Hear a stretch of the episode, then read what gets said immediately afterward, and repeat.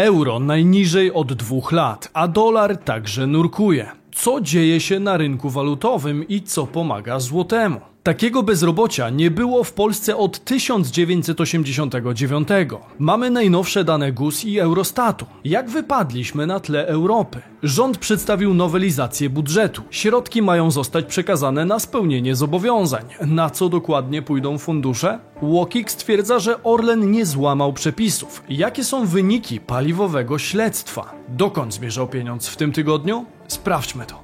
Bizweek. Cotygodniowy przegląd świata biznesu i finansów. Cześć, tutaj Damian Olszewski i witam Was serdecznie w programie Praktycznie o Pieniądzach i informacyjnej serii Bizweek, gdzie co tydzień otrzymujecie dawkę najważniejszych informacji ze świata biznesu i finansów. Dlatego warto subskrybować kanał na dole, aby dołączyć do niemal półmilionowej społeczności i być na bieżąco z tym, co dzieje się w naszych portfelach. Stałych widzów poproszę jak zwykle o niewielki kredyt zaufania w postaci łapki w górę, aby nakarmić algorytm. Nie przedłużając, czas to pieniądz, więc Zaczynajmy. Bezrobocie w Polsce najniższe od 1989.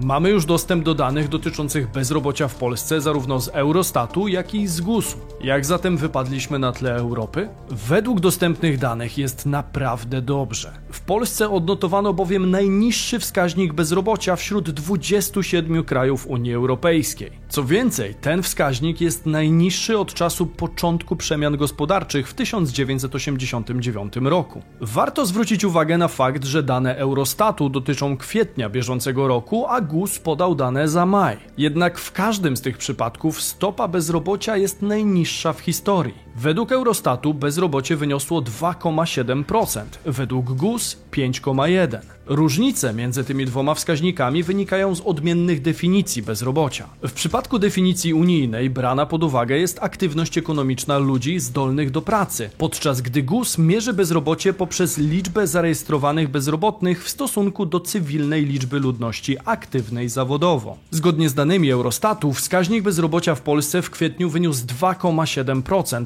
w liczbach bezwzględnych to około 470 tysięcy osób bezrobotnych. To o wiele mniej niż średnia wskaźników bezrobocia w całej Unii Europejskiej, która wynosiła 6%. W strefie euro było jeszcze gorzej, z wskaźnikiem wynoszącym 6,5%. Wychodzi zatem ponad dwa razy więcej niż w Polsce. Wskaźnikiem bezrobocia na tym samym poziomie co Polska mogli pochwalić się w kwietniu jedynie Czesi. W rankingu krajów z najniższym bezrobociem w Unii na trzecim miejscu znalazła się 2,8%, a na czwartym Niemcy 2,9%. Jak wyglądają dokładniejsze dane według GUS? Bezrobocie w Polsce według GUS na koniec maja 2023 roku wyniosło 5,1%. To mniej o 0,1 punktu procentowego niż w kwietniu i o 0,3 punkta procentowego niż rok wcześniej. W przeliczeniu na liczbę osób na koniec maja 2023 roku w urzędach pracy zarejestrowanych było około 803,6 tysiąca bezrobotnych. To o 92 tysiące mniej niż na koniec 2021 roku. Zatem mimo pandemii koronawirusa, wojny na Ukrainie i napływu milionów uchodźców do Polski, bezrobocie nie wzrosło, ale wręcz spadło. Skąd bierze się tak niskie bezrobocie mimo kryzysu gospodarczego oraz wojny na Ukrainie? Przyczyn tego stanu rzeczy jest wiele. Mimo, że sporo osób przyjechało z Polski do Ukrainy, to również wiele z nich wyjechało z powrotem walczyć na froncie. Jak się okazuje, większość z nich przyjechała tu również nie tylko po schronienie, ale także po to, aby pracować. Dodatkowo Polska jest w niżu demograficznym, który będzie się jedynie pogłębiał. Dlatego mimo pojawiania się nowo przybyłych jednostek na rynku pracy, wciąż tej pracy nie brakuje. Kolejnym czynnikiem jest wzrost ilości inwestycji w Polsce. Co by nie mówić, coraz więcej firm wybiera Polskę jako kierunek ekspansji biznesowej, co otwiera również nowe miejsca pracy. Jak podaje Eurostat, na koniec pierwszego kwartału 2023 roku liczba zatrudnionych w polskiej gospodarce była najwyższa w historii. Wyniosła dokładnie 17 milionów 62 tysiące pracujących. Czy ten trend utrzyma się przez najbliższe lata? Patrząc poprzez pryzmat problemów demograficznych, które dotyczą nie tylko Polski, ale całej Europy, myślę, że prędzej niż etatów zabraknie rąk do pracy. Ale dajcie znać, co sami sądzicie w komentarzach. Euro najniżej od dwóch lat, a dolar także w dołku. W tym tygodniu kurs euro, jak i dolara zaliczył spory spadek względem złotego i część z Was pytała z czego to wynika. Już w środę około 10 kurs euro wyniósł zaledwie 4,46. Było to jedno z najniższych notowań wspólnotowej waluty od czerwca 2021 roku, a co jeszcze ciekawsze, w piątek było to już 4,44. Tym samym euro w momencie pracy nad materiałem jest na poziomie najniższym od ponad dwóch lat. Przez ostatnie dwa miesiące kurs euro-złoty obniżył się o ponad 20 groszy. Względem stanu z lutego euro potaniało z kolei już o ponad 34 grosze. Dolar także tracił w relacji do złotego, ale już nie tak mocno jak euro. Przypominam, że nieco ponad rok temu złoty był nominalnie najsłabszy w historii. Jak widać obecnie nasza waluta mocno nadrabia straty. Ale dlaczego tak się dzieje? Tendencję wzrostową dla złotego widać już od kilku miesięcy wraz z poprawą warunków makroekonomicznych. Obecnie kapitał napływa do naszego kraju kuszony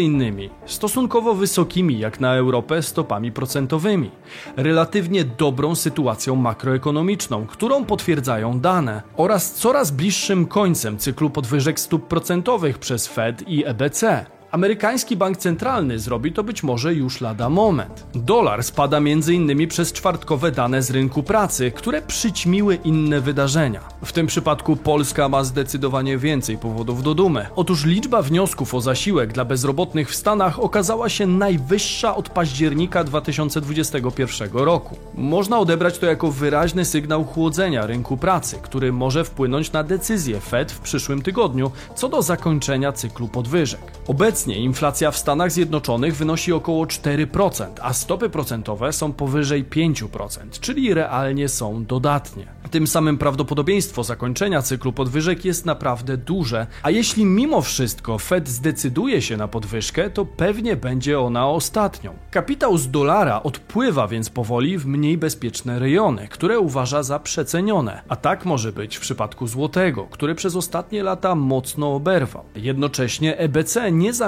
przerywać procesu podwyżek stóp procentowych i kolejna z nich powinna pojawić się już w przyszłym tygodniu. Co ciekawe, nasza waluta zyskuje do euro nawet mimo wzrostu kursu euro-dolara, od którego jest mocno uzależniona. Polski złoty może nie tyle zyskuje, ile po prostu nadrabia straty wywołane wojną, niestabilnością geopolityczną i zacieśnianiem polityki pieniężnej na świecie. Od dłuższego czasu złoty był zakładnikiem bezpieczeństwa regionu i ruchów Fed czy EBC, które pewnie już dużo mocniej stóp nie podniosą. Dane makroekonomiczne naszego kraju także się bronią. Mówię o relatywnie dużym wzroście PKB, uniknięciu recesji, czy też najniższym bezrobociu w historii. Dokłada to porządną cegiełkę do wiary inwestorów w stabilność naszej gospodarki. Z drugiej strony za kilka miesięcy czekają nas wybory. Do tej pory wielkość tzw. Tak kiełbasy wyborczej nie przeraziła inwestorów, ale nadal wiele może się w tej kwestii jeszcze wydarzyć. Sytuacja może zresztą ulec zmianie zarówno w naszym kraju, jak i na świecie. Dlatego nie wiadomo do jakiego poziomu złoty będzie się umacniał. Tego w zasadzie nie wie nikt, ale może to już dobry czas na tworzenie własnej rezerwy walutowej. Jeśli ktoś z Was zdecyduje się na taki ruch albo posiada już jakąś kwotę w euro czy dolarach, które nie pracują, to warto pomyśleć o ofercie Freedom24, bo obecnie jest jeszcze lepsza. Mianowicie w tej chwili broker Freedom24 oprócz rachunku na 2,5 do 3%, z którego w każdej chwili można wypłacić środki, oferuje Oferuje także dłuższe plany oszczędnościowe, gdzie w zależności od długości planu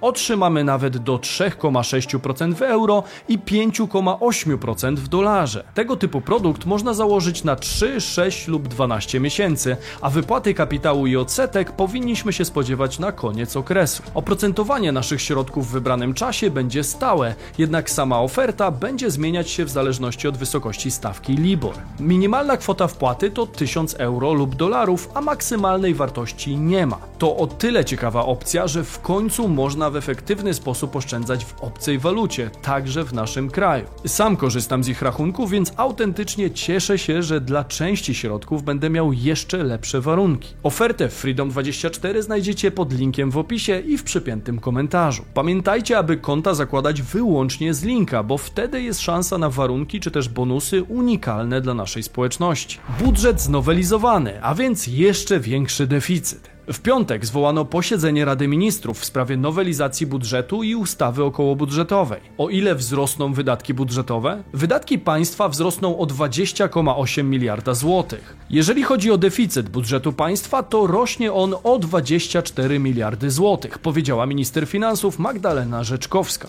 Zgodnie z ustawą budżetową na rok 2023 przewiduje się przychody na poziomie 604,5 miliarda złotych z wydatkami nie przekraczającymi 672,5 miliarda złotych. Natomiast deficyt budżetowy nie powinien przekroczyć 68 miliardów. Deficyt sektora finansów publicznych obliczony zgodnie z metodologią Unii Europejskiej został ustalony na poziomie 4,5% PKB. Dodatkowo, według Ministerstwa Finansów, dług sektora rządowego i samorządowego ma osiągnąć 53,3% PKB. To nie pierwszy raz, kiedy ustawa jest nowelizowana w środku roku. Taka sytuacja zdarzyła się w 2015, 2016, gdzie robiono to nawet dwukrotnie, 2017, 2020 oraz 2021. I jak widać, jest to praktyka stosowana dość często. Jak stwierdził w swojej argumentacji premier Mateusz Morawiecki, rząd przeprowadził polską gospodarkę przez kilka potężnych kryzysów: pandemia, wojna w Ukrainie, inflacja. Wszystkie te decyzje wiązały się z zagrożeniem miejsc pracy.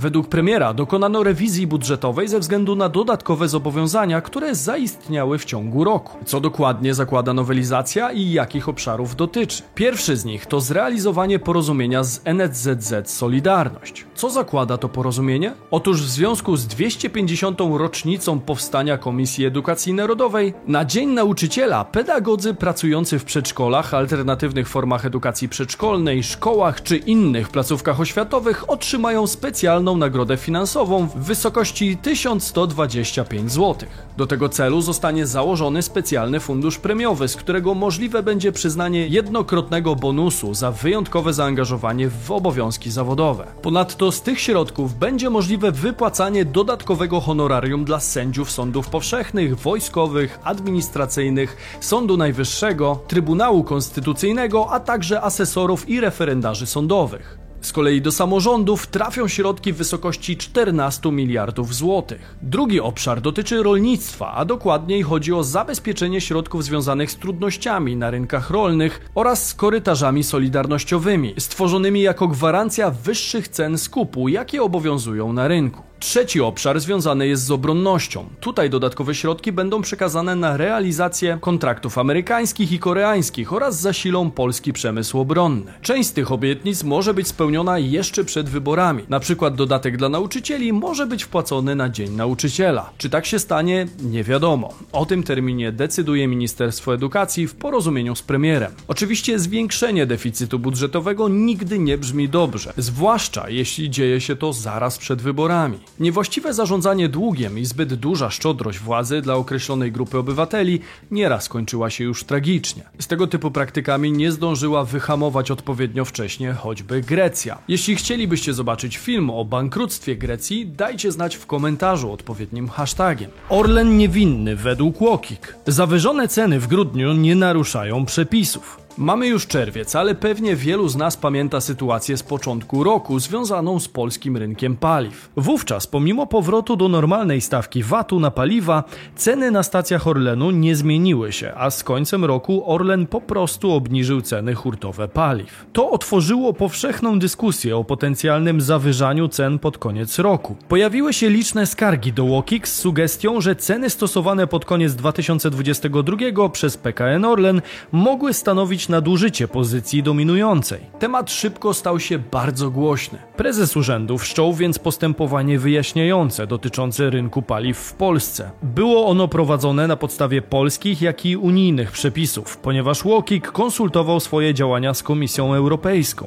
Co ciekawe, w tym tygodniu postępowanie wyjaśniające się zakończyło. Pytanie, jakimi wnioskami? Łokik ustalił, że Orlen wyznacza tzw. Tak cenę spot paliw, która jest określana przy pomocy form formuł matematycznych w oparciu o różne czynniki rynkowe, do których należą m.in. notowania danego rodzaju paliwa na międzynarodowych giełdach towarowych. Cena spot jest ceną referencyjną, natomiast rzeczywiste ceny transakcyjne uwzględniają dodatkowe rabaty. Spadek cen paliw pod koniec roku można argumentować m.in. niższymi cenami ropy.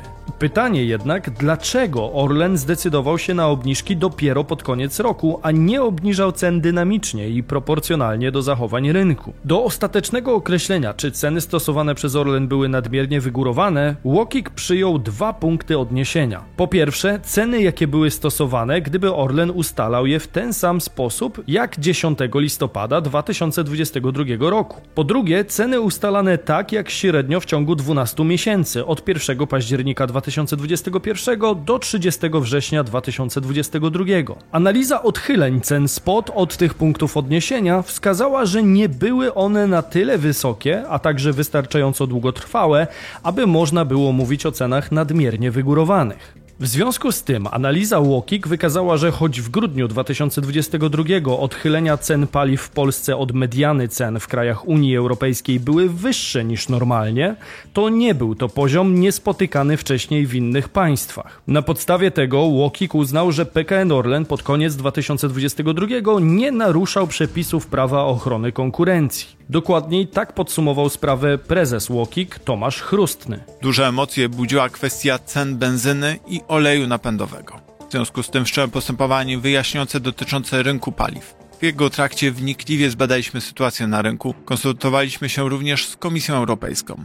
Sprawdziliśmy sposób kształtowania cen przez Orlen i przeprowadziliśmy testy ekonomiczne, które miały sprawić, czy były to ceny nadmiernie wygórowane w rozumieniu przepisów antymonopolowych. Korzystaliśmy również z dorobku orzeczniczego innych organów antymonopolowych Unii Europejskiej, Komisji i Trybunału Sprawiedliwości Unii Europejskiej. Postępowanie wykazało, że ceny paliw stosowane przez Orlen w grudniu 2022 roku malały wolniej niż notowania cen paliw na rynkach europejskich. Nie stanowiło to jednak naruszenia prawa w myśl polskich i unijnych przepisów ochrony konkurencji. Poziom cen stosowanych przez Orlen pod koniec roku był niższy niż poziomy uznawane dotychczas za nadużywanie pozycji dominującej poprzez stosowanie cen nadmiernie wygórowanych. Zatem w dużym skrócie, owszem, cena paliw była wyższa, ale nie wyczerpuje to znamion konkretnego wykroczenia z puli praktyk monopolistycznych. Definicja tzw. Tak ceny nadmiernie wygórowanej nie została osiągnięta, zatem Orlen nie poniesie z tego tytułu żadnych konsekwencji. Ocenę wyników dochodzenia pozostawiam po waszej stronie. Zakładam, że podyskutujemy na ten temat w komentarzach. Mówił Damian Olszewski, a to był Bizweek, wasz cotygodniowy przegląd najważniejszych wieści ze świata biznesu i finansów. Pamiętajcie, aby skorzystać z oferty partnera Freedom24 dostępnej dla bizonów jedynie po kliknięciu w link w opisie filmu. Warto także subskrybować kanał na dole i zostawić hashtag Bizweek w komentarzu. Bardzo to doceniamy. Widzimy się już za moment w którymś z kolejnych materiałów, które widzicie wokół mnie